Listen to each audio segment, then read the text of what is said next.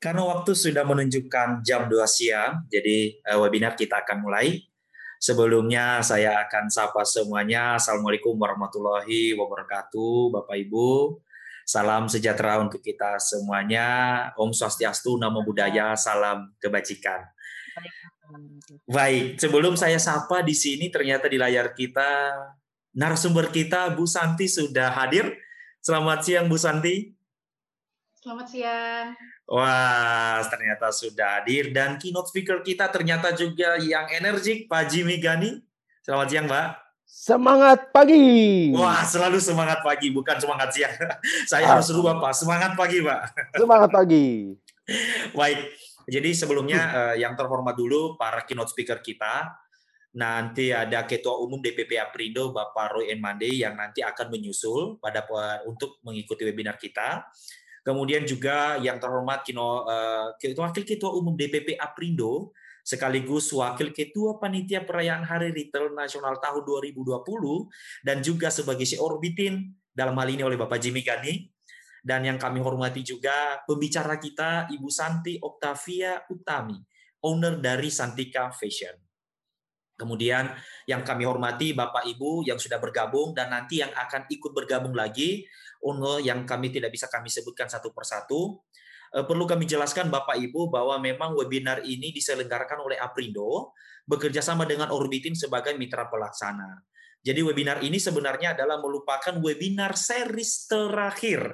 Artinya ini webinar terakhir dalam rangka untuk merayakan merayaan Hari Retail Nasional tahun 2020 dari event-event yang sudah dilakukan oleh Aprindo, tidak hanya webinar ini Bapak Ibu perlu kita jelaskan dan mungkin juga Bu Santi juga adalah bagian daripada peserta. Kita sudah melakukan webinar Hari Retail Nasional, kita sudah melakukan apresiasi kepada toko retail inspiratif, kepada DPD Aprindo Toladan, dan kepada UMKM berprestasi. Nah, salah satu UMKM berprestasi yang mendapat penghargaan dalam hari retail ini salah satunya adalah Santika Fashion. Jadi tidak tidak salah kalau seandainya nanti ayo Bapak Ibu kita gali ilmu yang sudah dilakukan oleh Santika Fashion sebagai UMKM sehingga itu menjadi modal dasar untuk kita melihat bahwa perkembangan fashion lokal ini seperti apa. Kemudian kita juga sudah melakukan bazar, pelatihan nasional dan juga virtual exhibition. Nah, itu adalah uh, sebagian kecil kegiatan uh, apa yang sudah dilakukan dalam peringatan Hari Retail Nasional tahun 2020 ini dan di, akan diakhiri di bulan Januari tahun 2021. Jadi sebelum kita masuk kepada webinar Bapak Ibu perlu kami jelaskan bahwa ada beberapa rules yang perlu kami sampaikan kepada Bapak Ibu bahwa ketika nanti mulai dari awal sampai akhir webinar ini berlangsung, Zoom Bapak Ibu kita harapkan dalam posisi di mute atau nanti kalau tidak bisa di mute di tempat masing-masing maka admin kami akan memute otomatis Zoom Bapak Ibu. Kemudian yang kedua jika berkenan mungkin videonya bisa dihidupin sehingga uh, kita kayak melihat layar wah ternyata orangnya ini ya atas nama Mas Raifin ternyata orangnya seperti ini. Jadi jika berkenan. Kemudian yang ketiga nanti Bapak Ibu ketika misalnya narasumber kita memberikan materi, maka Bapak Ibu bisa menyampaikan terlebih awal pertanyaannya kepada narasumber kita, kepada Bu Santi nantinya, tetapi melalui chat Zoom dulu. Jadi chat publik ya, jadi chatnya ditulis dulu di dalam Zoom. Nanti pertanyaan yang lebih awal tertulis di chat, maka itu yang akan duluan dibahas. Jadi kita pakai urutan ya Bapak Ibu ya. Jadi penanya pertama yang tertulis di chat, maka itu yang akan duluan kita bahas. Kemudian yang terakhir, eh, kita berharap dilarang membuat keributan maupun disengaja maupun yang tidak disengaja Bapak Ibu. Baik. Itu adalah beberapa rules yang yang perlu kami sampaikan dan semoga kita indahkan untuk kita bisa ikuti bersama.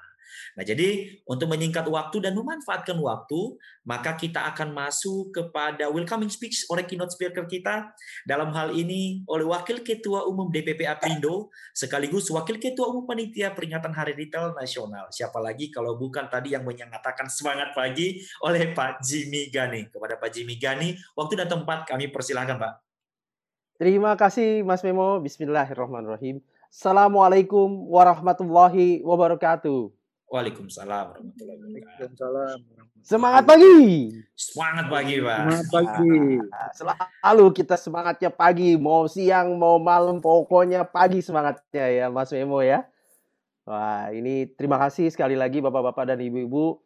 Wabil khusus untuk Ibu Shanti yang uh, telah berkenan untuk hadir uh, di siang hari ini di hari Jumat lagi kan uh, udah menjelang uh, apa akhir pekan uh, masih mau uh, apa sharing-sharing pada siang hari ini seperti yang tadi Mas Memo sampaikan uh, alhamdulillah uh, kita sudah uh, berada pada ujung daripada perayaan Hari Retail Nasional. Jadi uh, Hari Retail Nasional itu sendiri sebetulnya tanggal 11 November yang pertama kali kita rayakan uh, tahun ini. Jadi uh, tanggal 11 November, sorry, uh, 2020 ya ini rasanya masih rasa 2020 gitu ya, soalnya masih uh, apa uh, lukanya masih terasa gitu di tahun 2020. Jadi uh, kita uh, apa alhamdulillah mendapatkan uh, anugerah dari uh, pemerintah yang telah menetapkan uh, tanggal 11 November sebagai Hari Retail Nasional yang di apa selenggarakan oleh Aprindo sebagai satu organisasi. Dan sebagai wujud daripada cintaan kita kepada dunia retail kita kemudian melakukan serangkaian acara ya seperti yang tadi Mas Memo sampaikan di mana acara pertama adalah Eh, perayaan Hari Retail Nasional sendiri pada tanggal 11 dengan adanya webinar. Alhamdulillah webinar itu sendiri juga berlangsung dengan lancar, uh, dihadiri oleh uh, Ketua MPR RI Pak Bambang Susatyo, kemudian ada dua menteri, pada saat itu Menteri Perdagangan masih Pak Menteri apa Agus Parmanto, kemudian juga dihadiri oleh uh, menteri uh, pada saat itu uh, Menteri Teten ya, uh, seingat saya ya, yang hadir. Nah, uh, selain itu ratusan uh, teman-teman yang lain. Nah, kemudian kita juga mengadakan uh, beberapa rangkaian acara lagi, termasuk virtual exhibition yang tadi Bu Shanti juga uh, apa ikuti. Kita juga lakukan eksibisi langsung. Uh, Orbitin juga dapatkan kehormatan untuk ikut support dalam hal apresiasi uh, retail nasional yang uh, mana uh, Aprindo memberikan penghargaan kepada tokoh-tokoh retail nasional yang telah berjasa kepada uh, para kepada uh, sektor retail di Indonesia. Uh, apa kemudian selain itu juga uh, diberikan uh, satu penghargaan kepada DPD yang terbaik yaitu DPD Sulut uh, untuk tahun 2020 kemarin dan apa kita juga Eh, melakukan pelatihan-pelatihan dan yang terakhir ini adalah webinar series ini. Jadi ini dalam rangka kita uh, apa uh, menggandeng, merangkul semua stakeholder dari Aprindo termasuk uh, ekosistem kita di uh, dengan UKM-UKM. Nah, alhamdulillah hari ini salah satu uh, pelaku daripada uh, retail uh, yang tentunya sangat penting gitu ya. Saya uh, apa uh, many many years ago uh, pernah jadi di Rut uh, Sarinah. Jadi saya meras merasakan sekali betapa mitra-mitra kita di Sarinah uh, khususnya fashion accessories itu penting sekali gitu dalam rangka uh, membangun retail uh, nasional dan tentunya uh, untuk itu perlu diperlukan satu ekosistem gitu ya. Dan uh, ini yang kita akan bicarakan. Jadi sangat menarik. Nanti uh, insya Allah juga Pak Roy Mande Ketua Umum uh, Aprindo akan join nanti sekitar setengah uh, tiga. Uh, tapi saya udah excited untuk bisa mendengarkan uh, Ibu Shanti yang tentunya punya pengalaman yang uh, apa yang banyak uh, dalam hal uh, fashion uh, lokal ini untuk dapat sharing-sharing kepada kita semua dalam rangka uh, kita bisa nantinya tentu memperbaiki diri kita, uh, bisnis kita. Demikian yang dapat saya sampaikan. Eh, terima kasih sekali lagi Bapak-bapak, Ibu-ibu atas kehadirannya. Eh, semoga hari ini bermanfaat eh, bagi kita semua sehingga bisa nantinya apa memberikan manfaat dan dalam rangka kita memperbaiki usaha kita. Wabillahi taufik walhidayah. Assalamualaikum warahmatullahi wabarakatuh. Waalaikumsalam. Waalaikumsalam. Jadi mohon izin Pak, berarti kita sudah bisa, eh, berarti nanti eh, Pak Ketua Umum kita eh, masuk setelah nanti masuk pada materi ya Pak. Mohon izin Pak. Jadi ya, berarti betul. langsung sekarang panggungnya Bu Santi nih berarti Pak. Ya, jadi panggungnya Bu Santi persis, untuk silakan. Persis. Oke, okay, siap. Jadi sekarang masuknya kepada uh, apa pemateri kita yang luar biasa Jadi sebelumnya kita dapat uh, catatan CV beliau bahwa uh, mohon izin Bu Santi Nama pemateri kita hari ini adalah Bu Santi Oktavia Utami, Sarjana Teknik. Nah ini luar biasa nih, dari Sarjana Teknik bisa sekarang mengurusi urusan yang fashion. Dan fashionnya luar biasa, banyak banget produknya. ya. Jadi Bu Santi adalah owner dari Santika Fashion. Dan tadi dari awal sudah saya sampaikan bahwa di Hari Retail Nasional, Bu Santi ini adalah eh, salah satu UMKM penerima penghargaan ya dengan kategori UMKM berprestasi. Nah, ini keren banget ini Bapak Ibu supaya nanti kita bisa dapatkan ilmunya. Kemudian juga uh, Santika Fashion ini bisa dicek di websitenya, ada aktif di media sosial, ada di Instagram, FB, YouTube dan marketplace Tokopedia. Jadi produknya banyak banget Bapak Ibu. Ya ada kain batik tulis, eco print, eco batik, eco sibori, sibori. Waduh banyak banget lah. Ini banyak banget nanti. Jadi nanti kita akan uh, dengarkan ceritanya dari uh, apa Bu Santi ini seperti apa. Dan tentu adalah tema kita hari ini adalah membahas tentang menelisik ekosistem pasar fashion lokal. Nah, ini ini cukup menarik nih. Jadi bagaimana sekarang pasar fashion itu sebenarnya pasarnya seperti apa sih? Kemudian di masa pandemik ini tips and triknya ini ya tips and triknya ini seperti apa nih bu juru bertahan uh, uh, kunci bertahan untuk bisa bertahan dan tentu adalah inovasinya seperti apa nah jadi sekali lagi saya mau dengar halo bu Santi selamat siang bu tes bu halo oke okay, halo Oke, sip. Suaranya kedengaran. Jadi tidak menunggu waktu lama, Bu Santi, waktu dan tempat kami persilahkan, Bu. Silakan, Bu. Oke, baiklah. Nama saya Santi Oktavia Utami.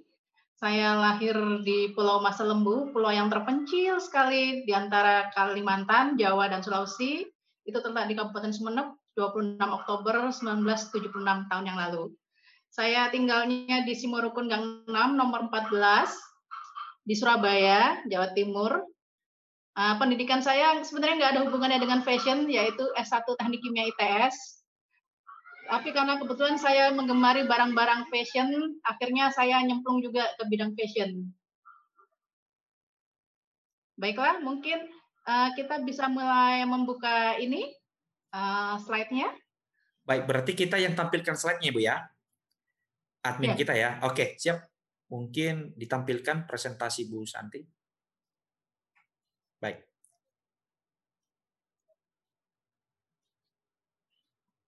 Ya. Silakan Bu. Baiklah, sekarang kita akan uh, berbicara tentang bagaimana uh, suatu fashion lokal bisa merajai pasar, terutama pasar di uh, era nasional ini. Saya adalah owner dari Gayatri. Gayatri adalah merek saya dan produk saya itu beranaung di bidang Santika Fashion. Seperti namanya, jadi pemiliknya adalah Santi Octavia Utami. Kebetulan uh, bidang kami itu memperkerjakan uh, para wanita yang merupakan adalah kader-kader PKK. Jadi kami punya kader PKK, kader PAUD, kader lansia. Kami memberdayakan wanita-wanita seperti itu juga eh, wanita-wanita korban kekerasan dalam rumah tangga. Di sini kami memberdayakan mereka sehingga mereka dapat berdikari dan dapat menopang perekonomian keluarga. Baiklah, Indonesia itu sebenarnya kaya sekali dengan uh, sebelumnya sebelumnya slide sebelumnya. Nah, jadi sebenarnya fashion Indonesia itu kaya sekali dengan berbagai macam seni olah wastra atau kain. Begitu juga dengan craftnya. Kita punya batik, kita punya sibori, kita punya ecoprint, painting, baik itu painting tiga dimensi maupun dua dimensi. Kita juga punya suminagasi, kita punya tenun. Dan itu betul-betul banyak sekali dari Sabang hingga Merauke, itu bentuknya berbeda. Nah, next.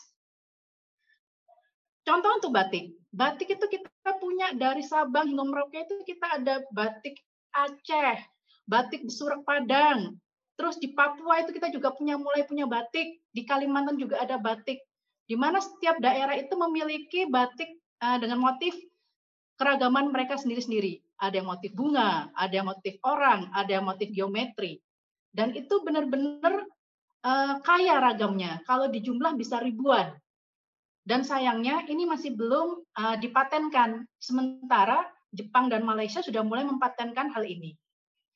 Batik Solo berbeda dengan batik Madura. Batik Madura dengan warnanya yang gonjreng, batik Solo dengan warnanya yang soft, batik Pekalongan dengan keragaman motif bunganya. Sedangkan batik kontemporer dengan karya-karya abstraknya, baik dengan dengan cap, dengan cipratan, dengan lidi, dengan kuas dan sebagainya. Jadi bisa dibilang kita punya berbagai macam batik. Next. Nah, demikian juga dengan wastra tenun. Tenun Indonesia itu sangat kaya sekali. Kita punya tenun Badui, kita punya tenun Lombok, Klaten, geduk, uh, gedok yang Tuban, tenun Medan, di mana mereka menggunakan tenunnya itu ada yang dari bahannya sutra, misalnya yang di Sopeng, ada yang bahannya itu adalah rami, bahannya rayon seperti di Klaten. Ada juga yang menggunakan bahannya itu adalah katun. Nah, itu sebenarnya sesuatu yang merupakan kelebihan daripada wastra Indonesia. Dan ini bisa dibilang hampir tidak dimiliki oleh negara lain. Jadi ini adalah satu nilai positif di Indonesia. Oke, okay, next. Nah, di Jepang itu ada teknik shibori. Dan ini pun kita adopsi pula. Kita punya nui. Nah, di Indonesia dinamakan sasirangan. Ini terkenal sekali di Palembang dan Kalimantan. Terus ada ikat jumput. Kalau di Jepang namanya kanoko. Terus ada apa namanya? repol atau arashi. Ada marbling yang dia itu motifnya ada beraturan. Ada juga yang ikatan uh, lipatan atau itajime. Ini Indonesia punya dan kita juga menggunakan berbagai macam motif di dalamnya. Kita sertakan, jadi ada kekhasan di dalamnya. Jadi sudah tidak merupakan melulu ini adalah dari Jepang. Sehingga orang Jepang yang ke Indonesia pun itu jadi uh, excited. Mereka kagum loh ternyata si Bori bisa dikembangkan sedemikian rupa di Indonesia dengan motif-motif Indonesia. Next.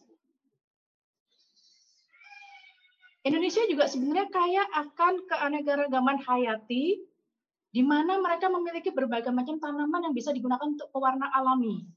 Karena sekarang tren dunia itu adalah eco-friendly. Jadi fashion-fashion yang dia itu uh, ramah lingkungan. Jadi mereka mulai beralih kepada pewarna yang berasal dari lingkungan. Kita punya indigo, baik itu tinctoria, baik itu strobilantes. Kita juga punya tegran, kita punya kayu oh. mahoni, akar mengkudu, kulit delima, green tea. Kita punya semua itu. Itu bisa menghasilkan berbagai macam warna yang itu bisa dicampur. Nah, kebetulan orang-orang luar negeri itu lagi gandrung dengan warna-warna yang seperti ini. Terutama warna yang sedang in sekarang ini untuk tren 2021 adalah warna kuning dan juga warna biru indigo. Ini lagi ngetren sekarang ini. Next.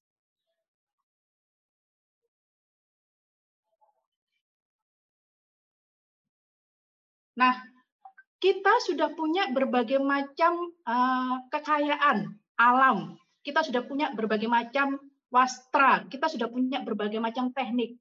Cuma sekarang masalahnya bagaimana caranya agar kita itu bisa jadi raja pasar nasional. Karena sudah saatnya fashion lokal kita itu merajai di Indonesia.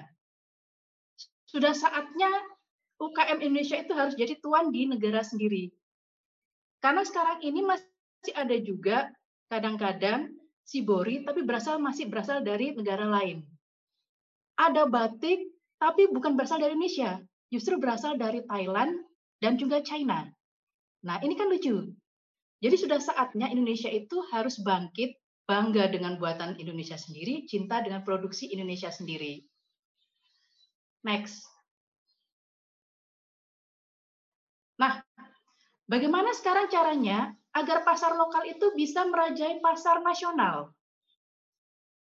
Sekarang ini adalah saatnya untuk kita mulai memperkenalkan wastra atau kain Indonesia, fashion Indonesia di taraf minimal di taraf lokal dulu, kemudian di taraf regional, berikutnya taraf nasional, bahkan kalau bisa ada ke taraf internasional, baik melalui pameran, fashion show, dan sebagainya.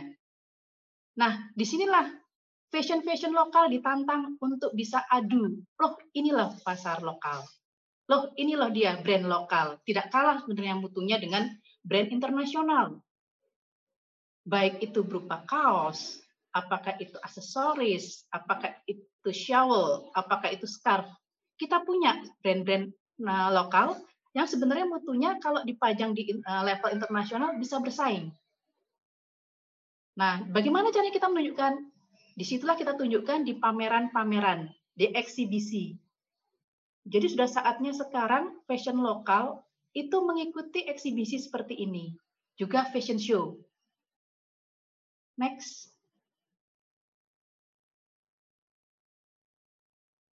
Nah, ini yang masih belum banyak dilakukan. Jadi kita sudah saatnya memperkenalkan wastra atau kain Nusantara, begitu juga dengan fashion lokal pada kaum milenial dan juga sivitas akademika. Kenapa?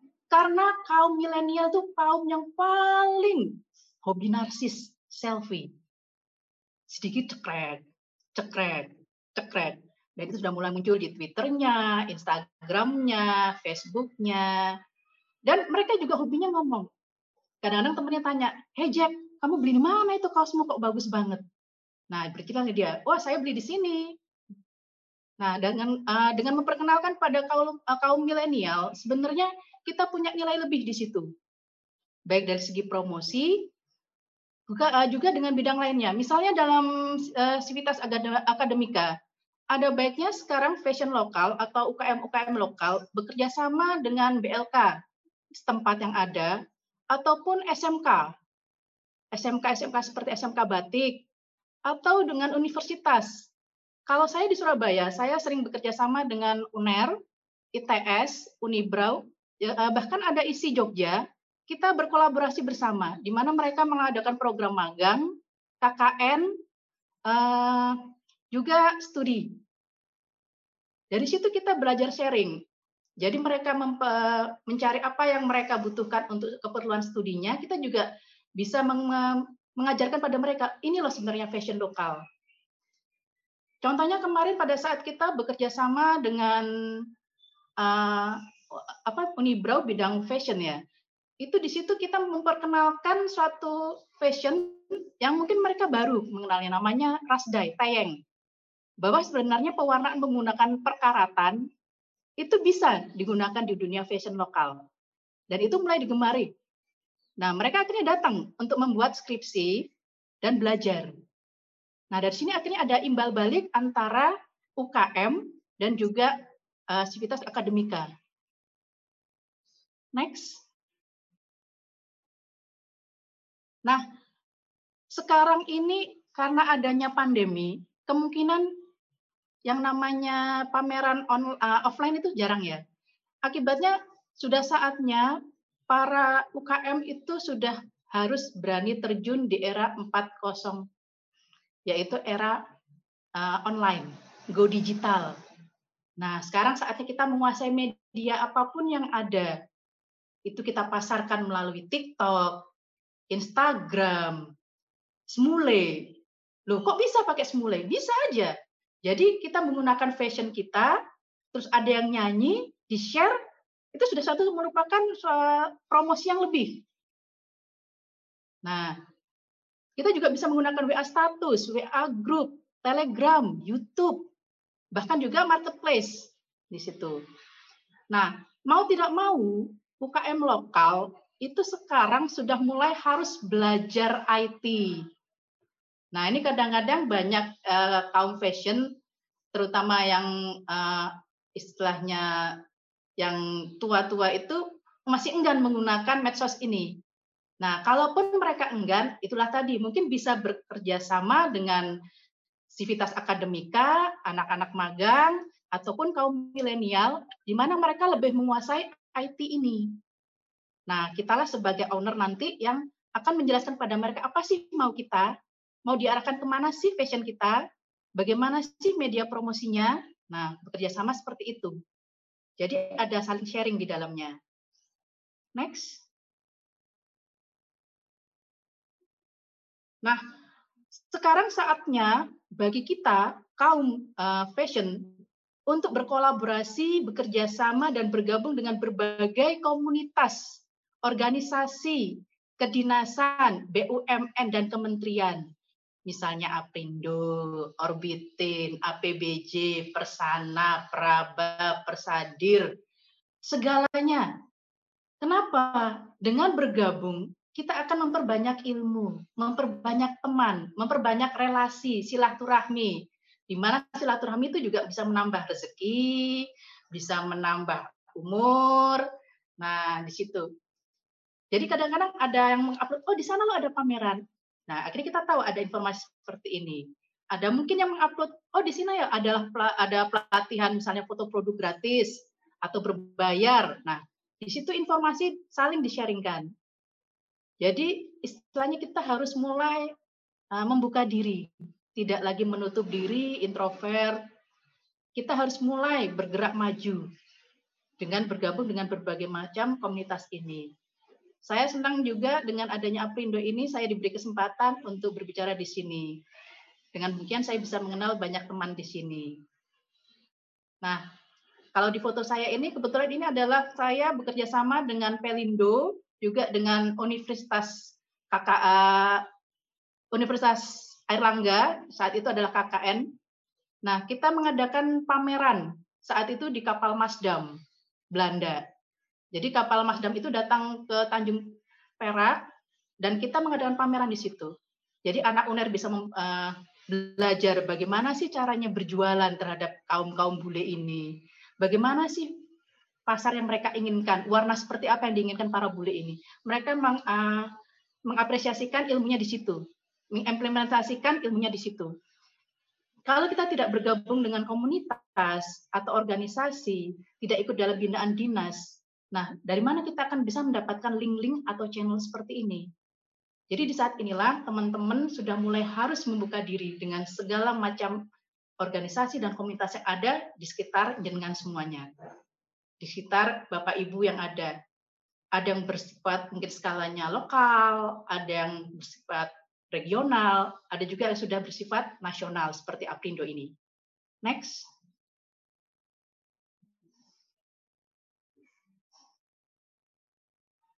Nah, inilah yang juga harus dikuasai oleh teman-teman UKM juga termasuk saya. Saya juga masih terus uh, belajar ini. Jadi harus menguasai 7 P's, 7P. Apa saja di sini? Ada proses, produk, price, place, promotion, people, dan physical evidence.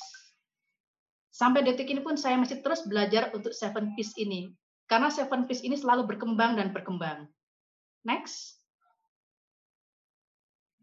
Nah, di dalam proses, Bapak Ibu pasti memiliki proses di dalamnya.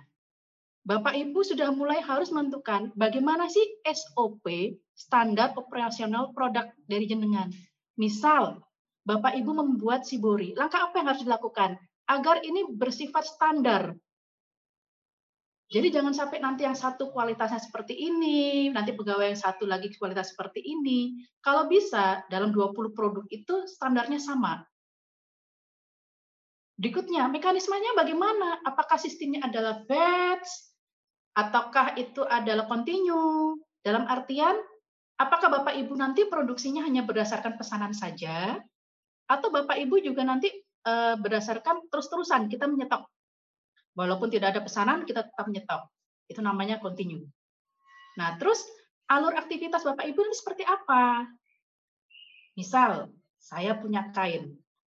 Kain ini kebetulan ada tenun gedok. Nanti tenun gedok ini akan saya apakan? Apakah saya sibori, saya batik, saya ekoprint, atau saya apakan? Setelah misalnya saya sibori, Shibori apa yang akan saya pakai? Apakah Itajime? Apakah Kanoko? Setelah saya jadikan misalnya uh, Shibori Itajime, warna apa yang akan saya gunakan? Apakah warna sintetik ataukah warna alami?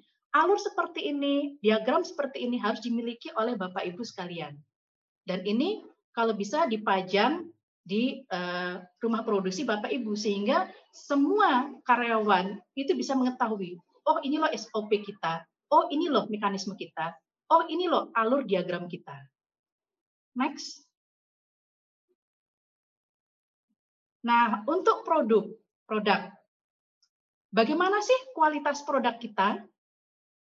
Bagaimana uh, kuantitas produk kita? Apakah dia hanya skalanya kecil, misalnya per hari cuma 10, ataukah dia skala mulai sedang, misalnya 100, atau mulai gede, 500 ke atas? Kenapa? Karena ini berhubungan sama uh, supply and demand. Jangan sampai nanti kita diminta ada dinas, wah dia bikin tender 100. Tapi tiap hari, lah Bapak Ibu cuma sanggupnya misalnya 50. Nah, yang 50 dicarikan ke mana? Nah, di sini kita harus mulai menentukan berapa sih kuantitas kita. Berikutnya, kontu, uh, ke kontinuitas ya. Jadi kesinambungan. Nah, kadang-kadang di era yang pandemi ini banyak mulai UKM-UKM ini beralih fungsi. Jadi ada beberapa teman saya itu sudah nggak berjualan lagi di bidang fashion, tapi mulai di bidang lainnya, mamin. Akibatnya kontinuitasnya itu terhenti. Sementara branding itu tetap jalan. Nah, seharusnya produksi itu tetap dilaksanakan, walaupun mungkin hanya sekedar asal ada, sehingga tidak menggerogoti modal yang ada. Jadi kontinuasi itu tetap berjalan. Jadi pasar langsung tahu, wah UKM ini tetap ada, UKM ini tetap eksis. Seperti itu. Berikutnya adalah branding. Branding di sini adalah branding produk dan juga branding dari personalnya. Jadi hati-hatilah dengan apa yang kita upload di medsos. Karena apa yang kita upload di medsos itu eh, mencerminkan kepribadian kita. Jangan sampai kita mengupload di media sosial kita yang personal, kita berbicara banyak head speech. Orang akan tahu, wah, orangnya aja kayak gini. Produknya kayak gimana sih? Nah, seperti itu. Jadi kita sudah harusnya mulai membranding diri. Karena branding personal akan berhubungan juga dengan branding produk. Ini sangat berkaitan sekali. Jadi bisa dibilang jempolmu adalah harimaumu. Kali ini tolong kalau bisa jagalah untuk medsos kita baik itu Twitter, IG. Kita sudah mulai membranding personal. Nah, dengan adanya branding personal yang baik, nanti ini akan melahirkan branding produk yang juga baik. Berikutnya adalah packaging. Packaging mana sih yang cocok untuk kita? Apakah uh, fashion kita itu berbau istilahnya menengah ke atas, apakah ini untuk menengah ke bawah, itu biasanya bisa dilihat dari packaging kita. Jadi penentuan packaging ini harus benar-benar kita pertimbangkan dengan sebaik mungkin, karena ini berhubungan dengan cost dan juga berhubungan dengan branding. Berikutnya adalah service. Bagaimana service kita terhadap customer, baik itu pra, selama pelaksanaan, dan juga after sales. Karena ada juga beberapa fashion itu yang saya lihat dia memiliki after sales yang sangat bagus. Di mana barang yang sudah rusak, dia bersedia untuk memperbaikinya. Jadi ada beberapa uh, eh, UKM fashion koper juga tas itu dia menggunakan after sales seperti itu. Nah, ini juga tergantung dari uh, kemampuan modal dan juga kemampuan SDM yang ada di UKM masing-masing. Yang terakhir adalah fitur. Nah, misal uh, sebuah kacamata aja. Kacamata itu fiturnya nggak ada yang sama. Ada yang kacamata untuk baca fiturnya, ada yang kacamata itu punya lensa polaroid, ada juga yang ada untuk surya, ada juga yang bisa kalau di siang dan di tempat terbuka itu lensanya akan berubah. Itu dari segi kacamata. Bagaimana dengan kain? Nah, sekarang itu uh, di Balai Batik ini sedang mengembangkan suatu fitur untuk kain yang saya bilang unik, yaitu dia mulai mengembangkan kain yang higienis. Dia mencampurkan kainnya itu dengan menggunakan ZNO. Jadi kain itu setelah pencucian berapa kali ini masih antibakterial. Nah, untuk era pandemi seperti ini kan kayaknya menarik. Nah, fitur-fitur seperti ini yang harus mulai kita cari, kita kembangkan sebagai fashion lokal. Next. Price, harga.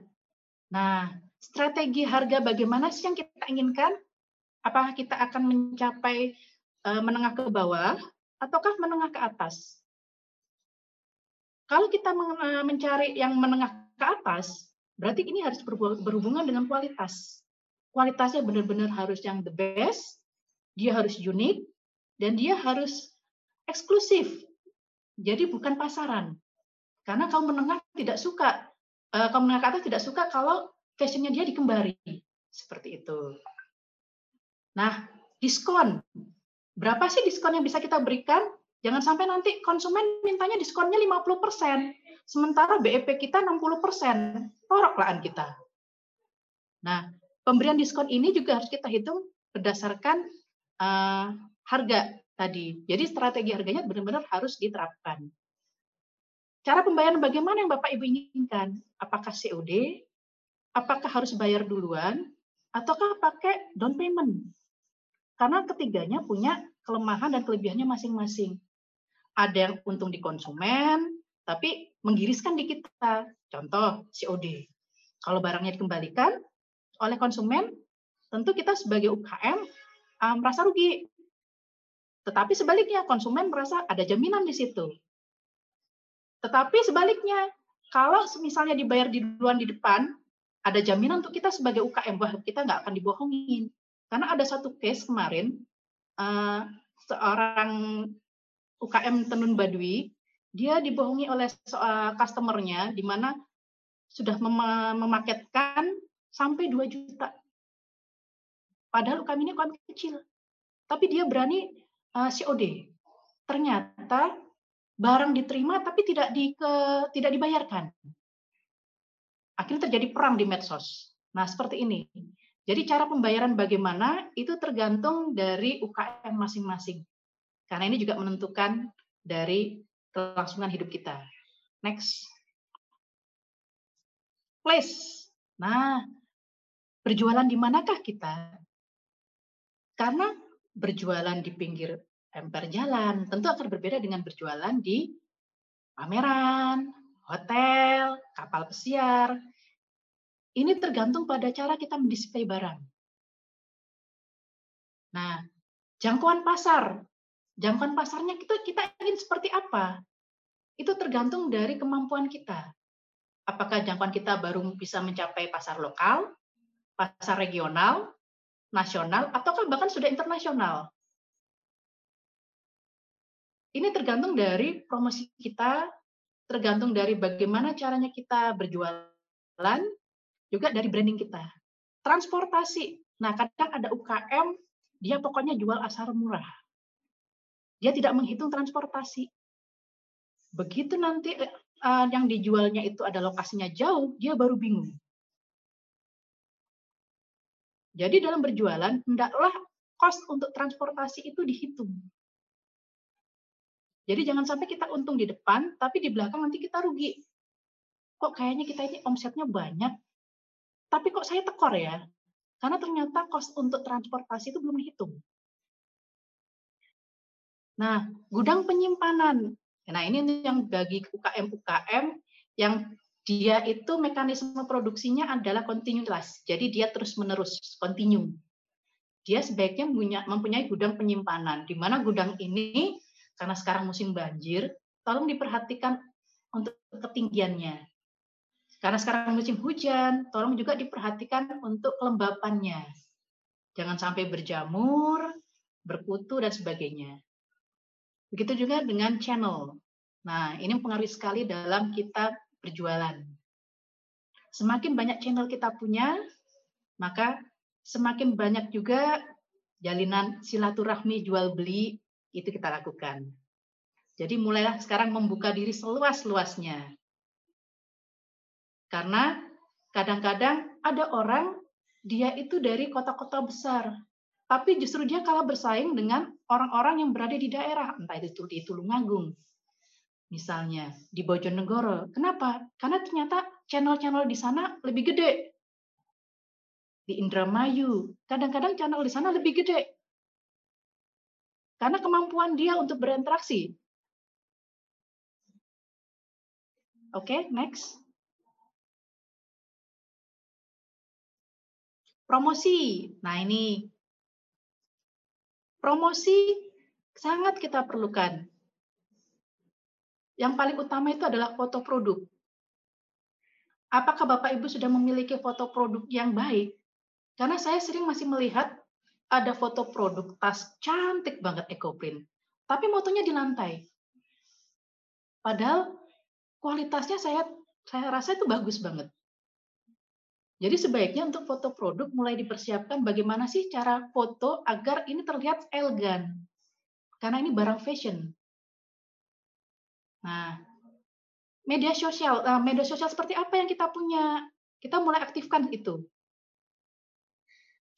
Iklan. Nah, ini sudah mulai banyak ya uh, kayak IG advertisement terus ada FB segala macam yang punya seperti ini. Nah, ini tergantung dari budget Bapak Ibu masing-masing. Tapi seandainya memang kita masih skala kecil, tanpa iklan pun, selama kita masih bisa uh, mengaktifkan FB, IG, fanpage, Twitter, WA status, itu kita masih bisa sebenarnya, walaupun tanpa iklan. Tapi di mana kita nanti sudah berskala nasional, kalau tanpa iklan sepertinya masih kurang. Sales promotion. Nah, ini kita butuh orang-orang yang betul-betul jago handle di bidang ini. Nah, ini biasanya kalau UKM kita udah berskala eh, gede. Endorsement. Nah, ini juga kita butuh. Kalau mungkin UKM kita masih skala kecil, kita bisa pakai endorse yang mungkin masih level kecil. Tapi kalau untuk eh, UKM yang fashionnya levelnya gede, mungkin sudah mulai pakai yang sekelas eh, Syahrini, tapi tentu saja dengan budget yang sangat besar. Jadi istilahnya ada harga, ada rupa. Tapi sebenarnya untuk endorsement ini, pintar-pintarin bagaimana kita caranya uh, menggunakan ini sesuai dengan budget kita, tapi kita maksimalkan. Next. Nah ini banyak yang teman-teman lupa. Physical evidence, bukti fisik apa sih bukti fisik kalau kita itu punya UKM? Karena banyak teman-teman UKM itu begitu dikunjungi oleh kepala dinas, tokonya itu nggak ada.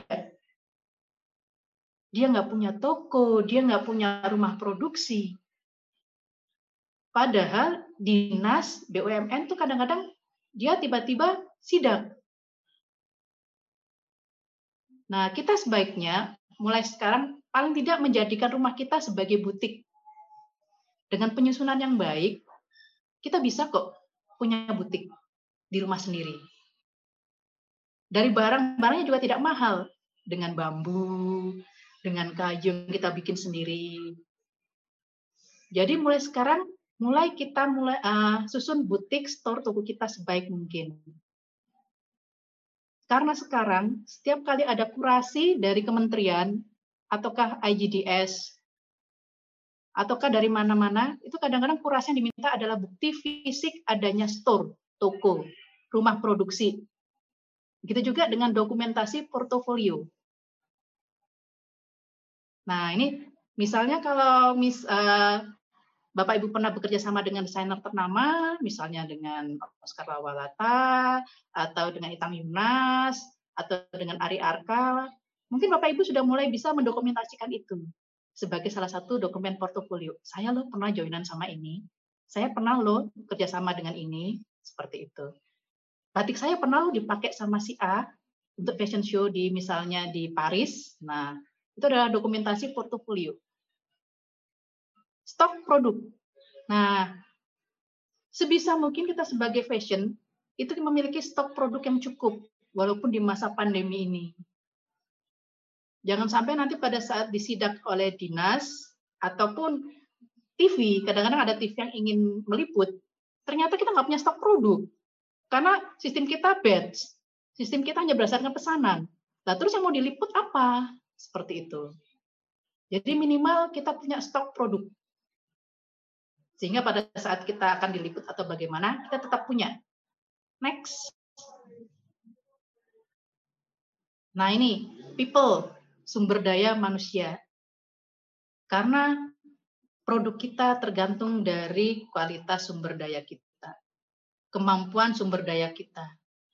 Kalau kemampuannya tidak sama, otomatis kualitas barang itu juga tidak sama. interaksi antar SDM itu juga berpengaruh. Kalau seandainya kita punya 10 SDM, yang dua berantem, apa kita akan nyaman? Tentunya tidak. Jadi sebaiknya kita mulai membuat SOP bahwa walaupun mungkin terjadi sesuatu, tetapi pada saat produksi tidak boleh membawa urusan pribadi. Sebagai contoh, saya ini sering sekali mengalami soalnya. Pada saat proses pounding, pounding itu adalah memukul kain dengan menggunakan palu. Di dalam ekoprint itu sering sekali, terutama sutra. Pada saat SDM saya itu ada yang ngamuk dengan salah satu temannya atau dengan suaminya, itu terbawa di emosinya. Walhasil, sutra yang dia pounding itu akan bolong. Nah, kadang-kadang saya menggunakan sutra itu ada yang dari Turki. Dan itu per meternya 200 ribu. Wah, saya langsung pusing. Ini gimana ini? Jadi saya sudah mulai harus membuat SOP yang berhubungan dengan interaksi SDM untuk meminimalis hal seperti itu. Berikutnya adalah pelatihan SDM. Nah, jadi kalau ada pelatihan SDM, sebaiknya uh, SDM kita diikutkan. Contoh misalnya fotografi. Jadi jangan ownernya melulu yang ikut fotografi. Jadi sebisa mungkin SDM-nya pun ikut pelatihan fotografi, misalnya videografi, terus bisa juga tentang website. Mereka mulai dilatih. Karena uh, kekuatan SDM itu adalah kekuatan UKM kita. Begitu juga dengan rekrutmen SDM. Jangan sampai nanti kalau kita merekrut SDM tidak sesuai dengan apa yang kita inginkan. Jadi spek-speknya sedari awal itu sudah harus kita tentukan. Spek seperti apa sih, SDM seperti apa sih yang kita inginkan? Apakah berdasarkan stratanya, ataukah berdasarkan kemampuannya? Karena ada juga dia mampu membatik, tapi dia bukan S1. Ada lagi yang dia itu S3, tapi ternyata dia tidak bisa membatik. Nah, seperti apakah yang uh, Bapak Ibu inginkan itu tergantung dari SDM itu akan ditempatkan di mana, di produksi di manajemen kah, di keuangan kah, atau di bagian promosi. Next. Nah, demikianlah tadi eh, hal-hal uh, yang bisa kita lakukan di UKM UKM lokal supaya kita bisa berjaya menguasai pasar-pasar minimal lokal, regional, Berikutnya insya Allah nasional dan internasional. Baiklah, demikianlah tadi sedikit pemaparan saya. Baik, eh, paparan yang luar biasa Bu. Jadi saya aja, oh tekniknya keren banget ya. Sesimpel itu tapi ternyata eh, perlu untuk nih di sini di teman-teman semua, Bapak Ibu semua yang mungkin juga memiliki usaha di bidang yang sama dengan Bu Santi atau memang mau terjun ke bidang yang seperti Bu Santi geluti sekarang. Nah, jadi memang eh, sangat menarik nih Bu ya. Jadi eh, entah ini teman-teman Bapak Ibu semuanya sedang fokus kepada eh, presentasi Bu Santi sehingga tidak ada eh, pertanyaan yang tercet di dalam Zoom. Jadi uh, silakan saja buat Bapak Ibu kita sekarang masuk kepada sesi pertanyaan ya. Waktu kita masih ada waktu kita lagi sekitar 10 sampai 15 menit lagi.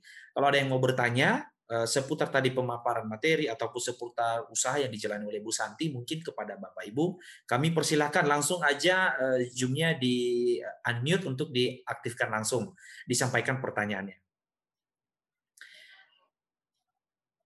Kalau ada, Mas Bemo, saya mau tanya sama Bu Santi. Wah, langsung Pak Jimmy. Silakan Pak, sangat terbuka pintunya. Silakan Pak.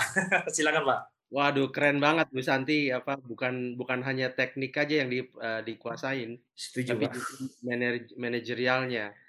Nah, ini kita kan di 2020 tuh uh, apa banyak mengalami uh, kontraksi ya di bisnis. Kalau Ibu uh, strateginya apa kemarin untuk bisa survive uh, ini nggak apa terpengaruh nggak bisnisnya dan bagaimana untuk bisa menyiasati? Uh, kita sangat terpengaruh, benar-benar sangat terpengaruh sebenarnya. Bahkan kita nggak nyangka bahwa COVID itu bisa memukul kami dengan sedemikian rupa. Karena bulan tiga itu kami masih pameran di tiga tempat saat itu. Setelah kita pameran, tahu-tahu ada PSBB. PSBB-nya langsung tiga jilid lagi Dan itu sangat mempengaruhi kami, di mana kami yang biasanya produksi itu sebulan bisa sampai 500 pieces sampai 1000 pieces, akhirnya mandek. Nah, akhirnya kita kan harus mulai jaga jarak. Biasanya kan 10 orang, 15 orang ngumpul bareng. Ini gimana caranya supaya kita tetap bisa produksi? Akhirnya kita mulai membuat SOP. Misal, yang biasanya batik Shibori dikerjakan di sini bisa dibawa ke rumah, tapi dengan syarat pengolahan dari saya, misal seperti itu. Eh, penjahitan misalnya seperti ini, biasanya dikerjakan di sini. Nanti boleh dibawa ke rumah, tapi setiap ini tolong saya di Zoom atau saya di WA untuk melihat perkembangannya seperti ini. Jadi saya memantau lewat daring akhirnya. Itu untuk yang SOP-nya. Sedangkan untuk penjualannya, sebelumnya kita itu tidak tertarik untuk memasarkan di bidang online. Karena kadang-kadang orang-orang masih bertanya, kok mahal sih?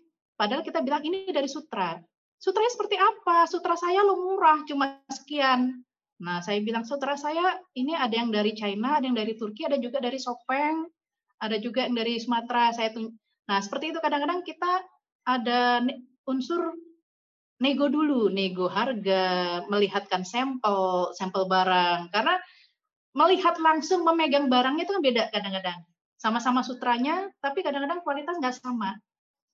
Nah itu akhirnya kita mulai mulai belajar online di situ sebenarnya. Akhirnya saya mulai memperkerjakan semua pegawai saya itu wajib bisa fotografi. Jadi barang itu sudah mulai bisa difoto. Terus mulai belajar yang namanya makeup artist.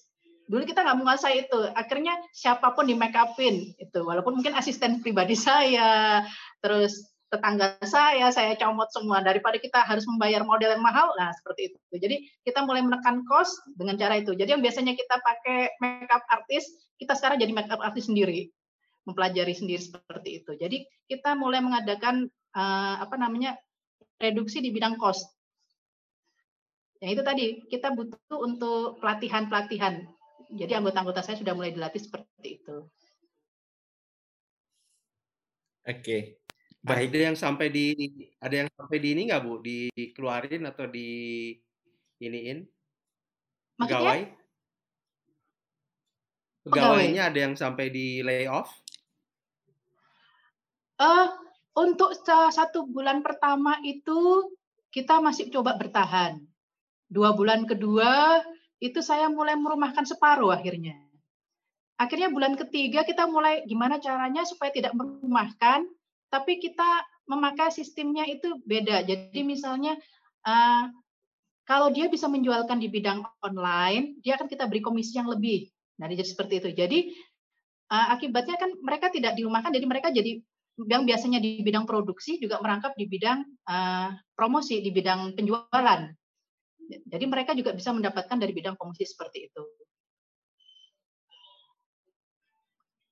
Gimana Pak? Keren, keren, keren. Keren. Baik, Jadi, saya aja cukup tertarik juga ya, Pak. Cukup tertarik, Pak. Iya, Pak. Iya. Jadi agile ya, lincah. Jadi lincah uh, Bu Santinya. Iya. Ya, jadi istilahnya kita kita bisa karena kepepet. Allah bisa karena kepepet kita semua ini.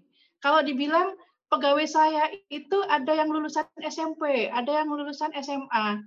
Tapi kita akhirnya mewajibkan mereka itu harus bisa fotografi, videografi, kanva, di mana nggak semua orang itu mau mempelajari hal-hal seperti itu. Apalagi merasa, loh saya lo sudah umur 60 tahun Bunda Santi, nggak seperti itu. Karena kan mereka bergeraknya di bidang posyandu, PKK, Bunda PAUD, nah seperti itu. Tapi karena kepepet dan mereka butuh pekerjaan, ya mereka harus mau mempelajari hal seperti itu. Jadi mereka akhirnya belajar dari anaknya. Saya bilang, Bu, bisa belajar dari anaknya. Jadi saya ngumpulkan mereka, saya latih caranya fotografi seperti apa, kayak gini misalnya. Karena juga kita mendatangkan pelatih dari luar seperti itu. Akhirnya mereka bisa sendiri foto, uh, videografi lalu. Keren juga, malah lebih keren dari saya akhirnya.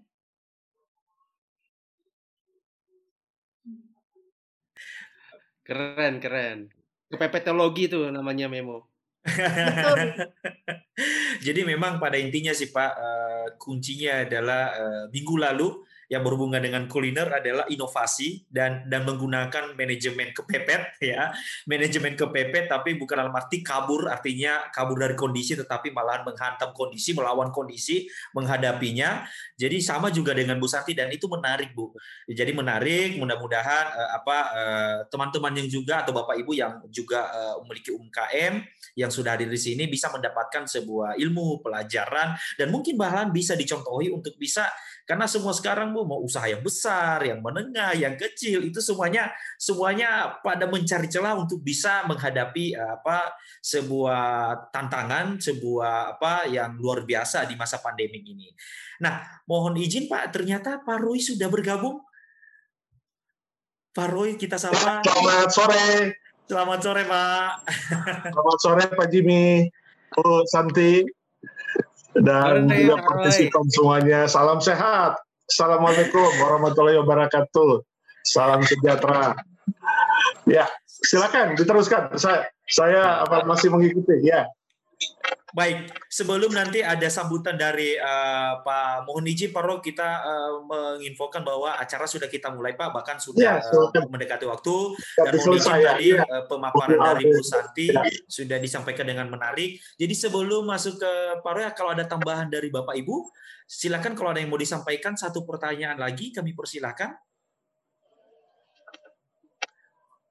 Baik, jadi langsung saja Pak mohon izin uh, kepada uh, Pak Roy kami berikan waktu Pak memberikan uh, apa uh, sambutannya karena tadi dari awal sudah dijelaskan oleh juga Pak Jimmy mengenai bahwa ini rentetan kegiatan Aprindo dan kami berikan uh, waktu dan tempat kepada uh, Pak Roy dari Ketua DPP Aprindo. Silakan Pak. Ya, terima kasih Pak Memo. Ya, pertama-tama apa apresiasi buat Orbitin dan tim serta Pak Jimmy Gani tentunya yang ten, apa terus mendorong semangat kita dan optimisme kita dalam masa-masa pandemik.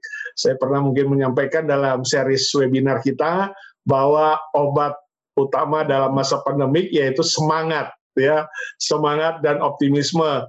Karena tentunya dengan semangat maka kita juga mau menjaga kesehatan, mau menjaga apa jarak, memakai masker ya karena kita semangat untuk sehat. Kemudian dalam usaha atau dalam aktivitas kita juga perlu vitamin semangat dan optimisme karena situasi kondisi memang penuh dengan tantangan. Tapi bukan berarti kita tidak ada solusi, tidak ada satu harapan bahwa kita akan lebih baik lagi ya. Apalagi sekarang vaksin sudah mulai diedarkan dan kita punya optimisme tentunya bahwa memang vaksin ini segera disebarkan seluruh masyarakat dan COVID-nya bye-bye dari Indonesia.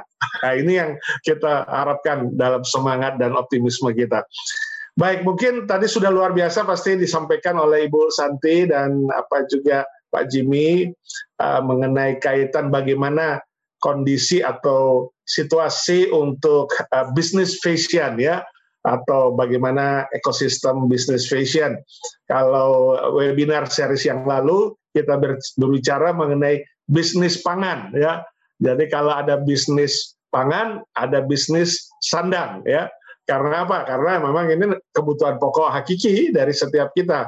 Eh, dan kita sebagai pelaku usaha atau pelaku bisnis masuk di jalur yang tepat karena bisnis pangan dan bisnis sandang itu tidak akan pernah hilang selagi kita semuanya tentunya membutuhkan uh, makanan minuman, membutuhkan pakaian, ya. Ada satu lagi yang nggak mungkin hilang yaitu papan. Nah, jadi bisnis pangan, sandang dan juga papan itu nggak akan hilang dari permukaan apa bumi kita ini karena memang pasti digunakan, pasti dipakai. Situasi apa pun ya, situasi pandemi, situasi non pandemik, situasi perang pun ya tetap harus ada itu ya karena memang itu bagian hakiki dari kita semua.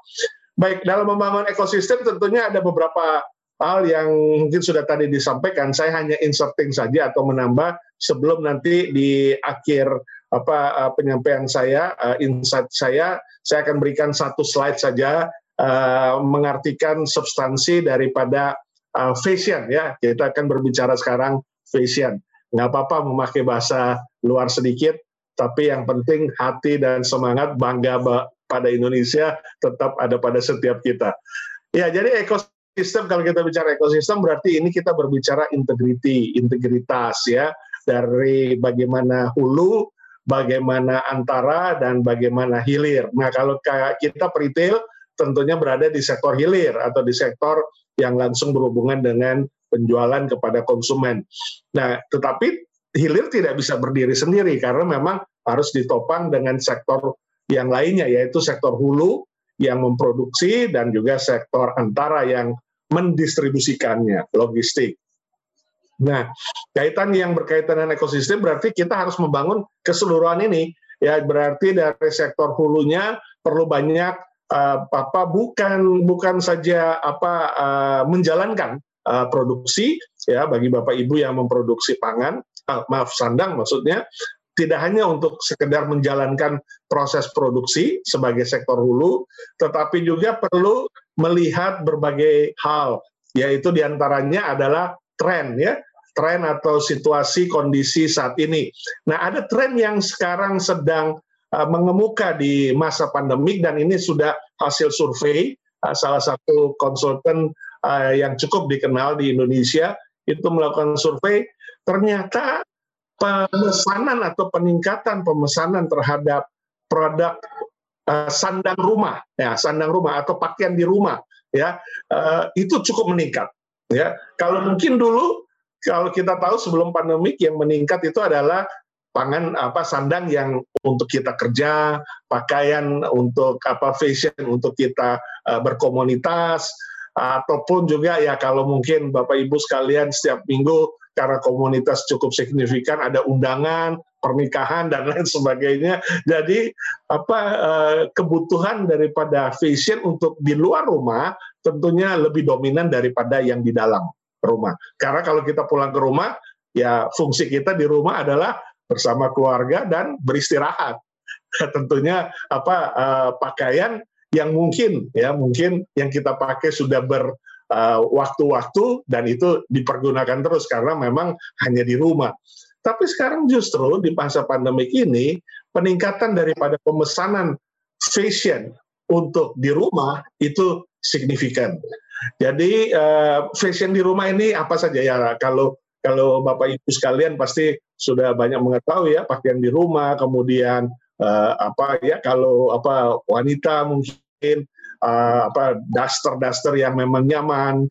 Kemudian juga ya saya nggak terlalu apa ini ya apa uh, mengemukakan ininya uh, kontennya. Tetapi uh, paling tidak kalau kita di rumah itu memang sekarang karena lebih lama di rumah daripada di luar rumah jadi kita ingin pakaian yang selain hangat apalagi musim-musim sekarang tapi pakaian yang memang tidak terlalu sempit yang nyaman untuk kita bergerak, untuk kita sambil WFH ya depan komputer, tapi depan kita juga televisi misalnya dan lain sebagainya. Jadi kita ingin attract situation ini dan menjadi experience kita di selama masa pandemik.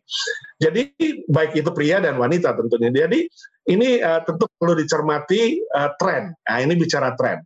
Jadi uh, tidak hanya bagaimana memproduksi dari waktu ke waktu, tapi perhatikan tren. Nah, ini juga bagian daripada membangun ekosistem sehingga tren ini dapat sesuai dengan demand atau sesuai dengan masanya pada saat ini. Jadi memang di dalam perjalanan bisnis kita adaptif atau apa kalau istilah Pak Jimmy adalah agile ya, lincah ya. Uh, apa sesuatu yang tidak pernah berubah itu adalah perubahan itu sendiri.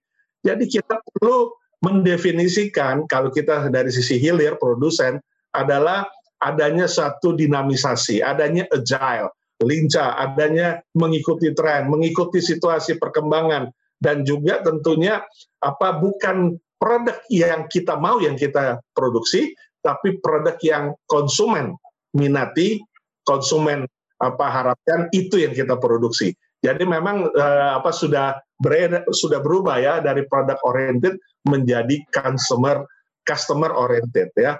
Nah ini uh, yang yang pertama yang saya sampaikan. Kemudian dalam membangun ekosistem ini perlu juga baik itu yang di sektor hulu maupun juga mungkin sebagian ada yang memiliki toko atau gerai sektor hilir yaitu memperhatikan digitalisasi ya digitalisasi atau transformasi digital ini menjadi suatu keharusan baik bagaimana kita mulai kalau yang produksi mendapatkan sumber atau bahan maupun juga kalau yang memiliki toko bagaimana kita berkolaborasi dengan digital platform atau marketplace.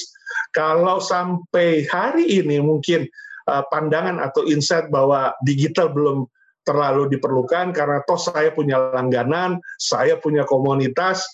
Nah, ini yang perlu diwaspadai atau kita perlu apa redesign atau kita coba istilahnya kalau sekarang resilence kan artinya kita coba kaji ulang apakah memang uh, demikian keadaannya. Karena memang sekarang dengan kondisi digitalisasi itu justru banyak yang meningkat uh, transaksinya. Banyak yang artinya kalau dari sisi produsen ya produsennya meningkat karena memang juga memasarkan produknya lewat digitalisasi atau mencari penjualnya mencari tokonya itu lewat digitalisasi. Kalau yang di sektor hilir yang punya toko mencari konsumennya atau mendapat konsumennya dari digitalisasi.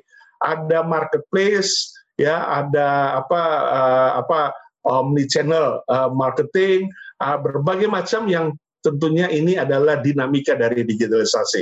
Tanpa digitalisasi sekarang perjalanan kita kecepatannya itu kalau dibilang kecepatan pejalan kaki itu hanya 15 km per jam mungkin ya kalau kita apa olahraga pagi itu paling top kita jalannya itu 15 km per jam. Itu udah jalan cepat.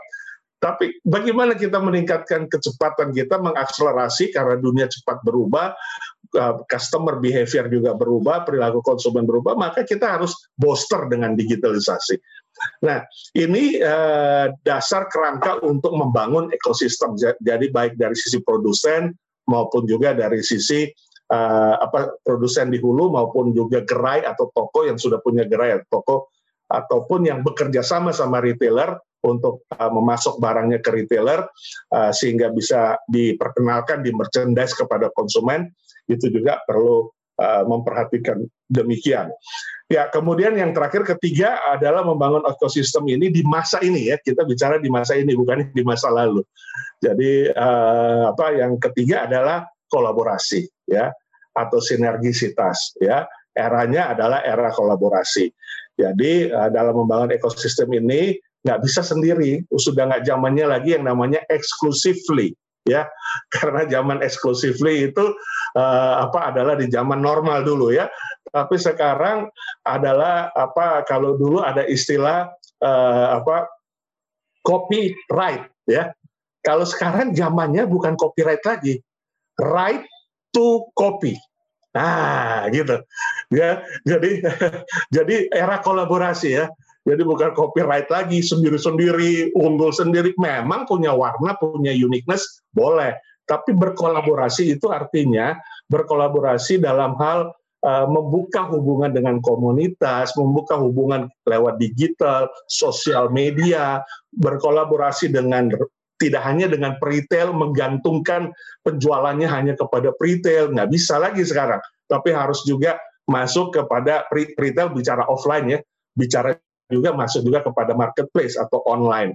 Jadi uh, ini yang poin ketiga. Jadi memang bagian daripada apa Eh, semangat untuk kolaborasi atau sinergisitas ini menjadi mengemuka. Termasuk juga uh, kolaborasi kepada kementerian terkait. Nah, ini bicara kementerian sedikit nih. Kementerian terkait di sini kita perlu menjalin hubungan dengan kementerian dan lembaga kalau kita produsen ya.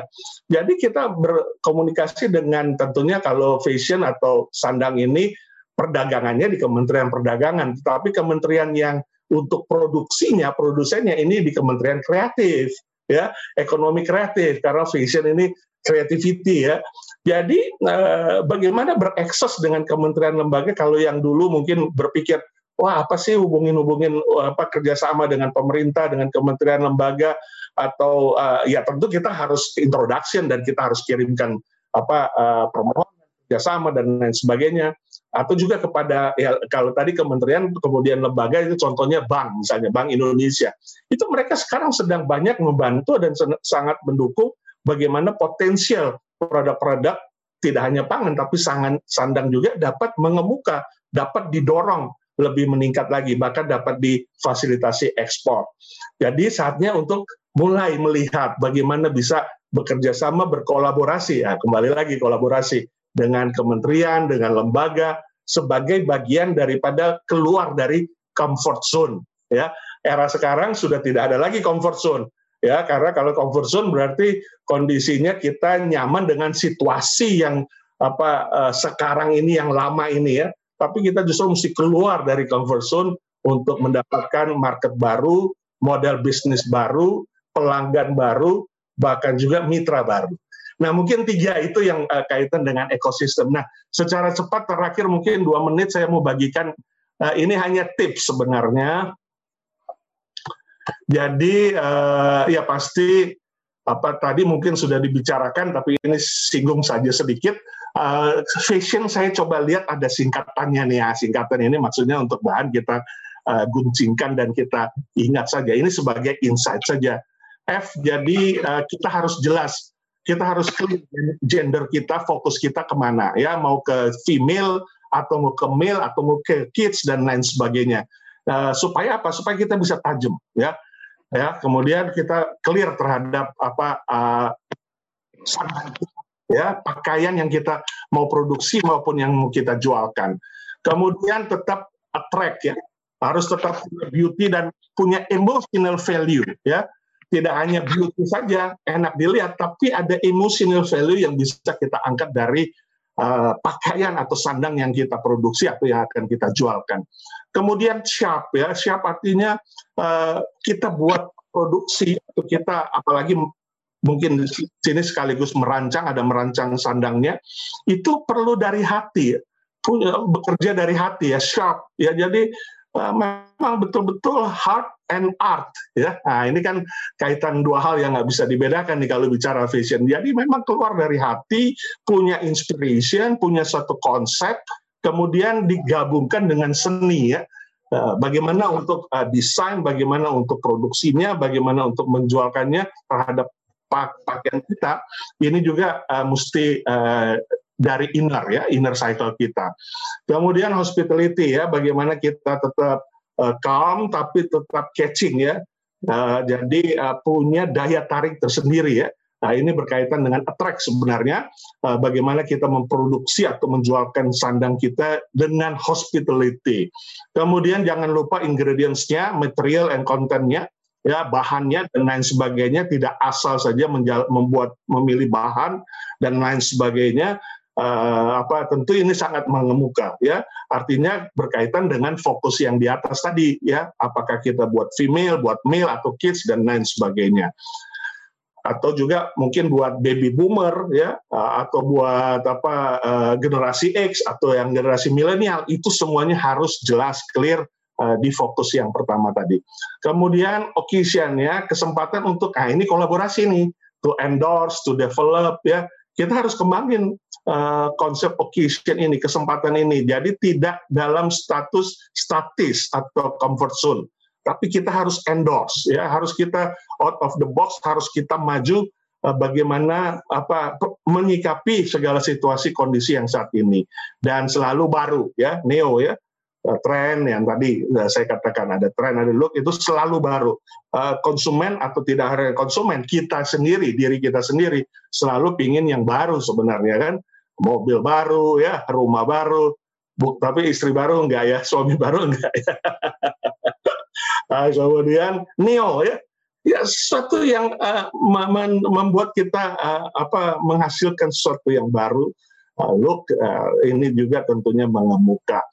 Ya mungkin uh, saya memberikan tipsnya demikian dan juga apa uh, insight uh, mengenai ekosistem membangun fashion kita ini. Semoga uh, apa kiranya dapat ditambahkan dengan apa pembicara sebelumnya yang luar biasa Bu Santi dan Pak Jimmy, uh, teman-teman Orbitin untuk memajukan industri atau usaha sandang kita bagi Indonesia maju. Terima kasih. Saya kembalikan kepada Pak Memo. Wah, insight dan closing yang menarik, Pak. Ya, kata-kata apa singkatan dari visionnya itu satu linear, Pak, dengan tadi yang pemateri nah. dari Bu Santi. Menarik, Pak. Jadi uh, ya gitu ya. Satu, iya, mengalir, Pak. Satu benang, Pak. Jadi benang merahnya kelihatan. Jadi ini adalah closing yang menarik, Pak. Jadi uh, karena waktu kita juga sangat dibatasi, saya minta waktu satu menit lagi.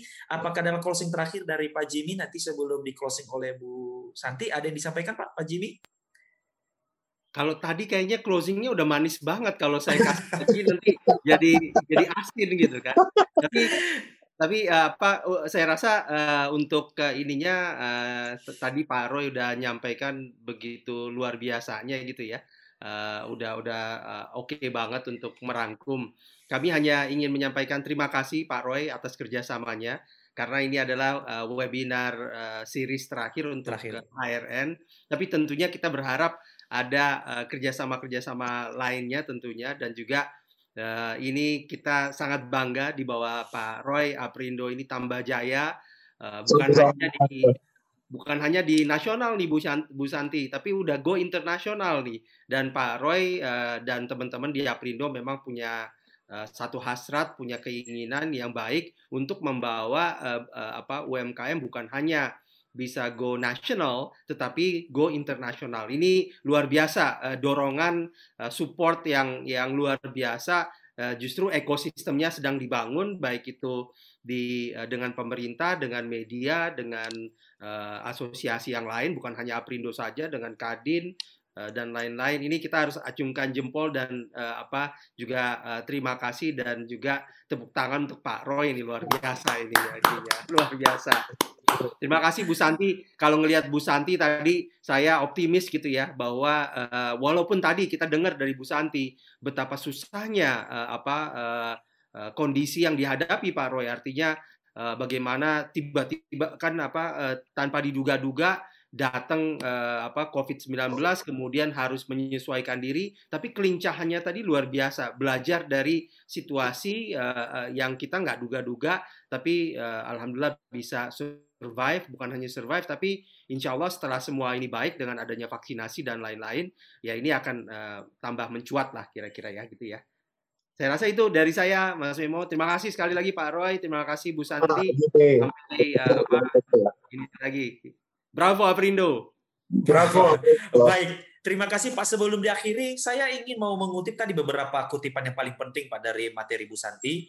Eh, bahwa memang uh, closingnya adalah sekarang mulai saatnya Wastra Nusantara di pameran dan fashion show bertaraf regional, nasional dan internasional kalau bisa.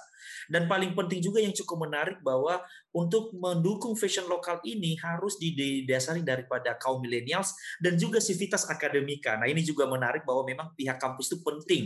Kemudian uh, harus aktif menguasai media sosial dan bergabung berkolaborasi di berbagai komunitas dinas BUMN dan kementerian termasuk komunitas Orbitin, Aprindo, dan lain sebagainya. Nah ini menarik juga buat Bapak Ibu peserta UMKM.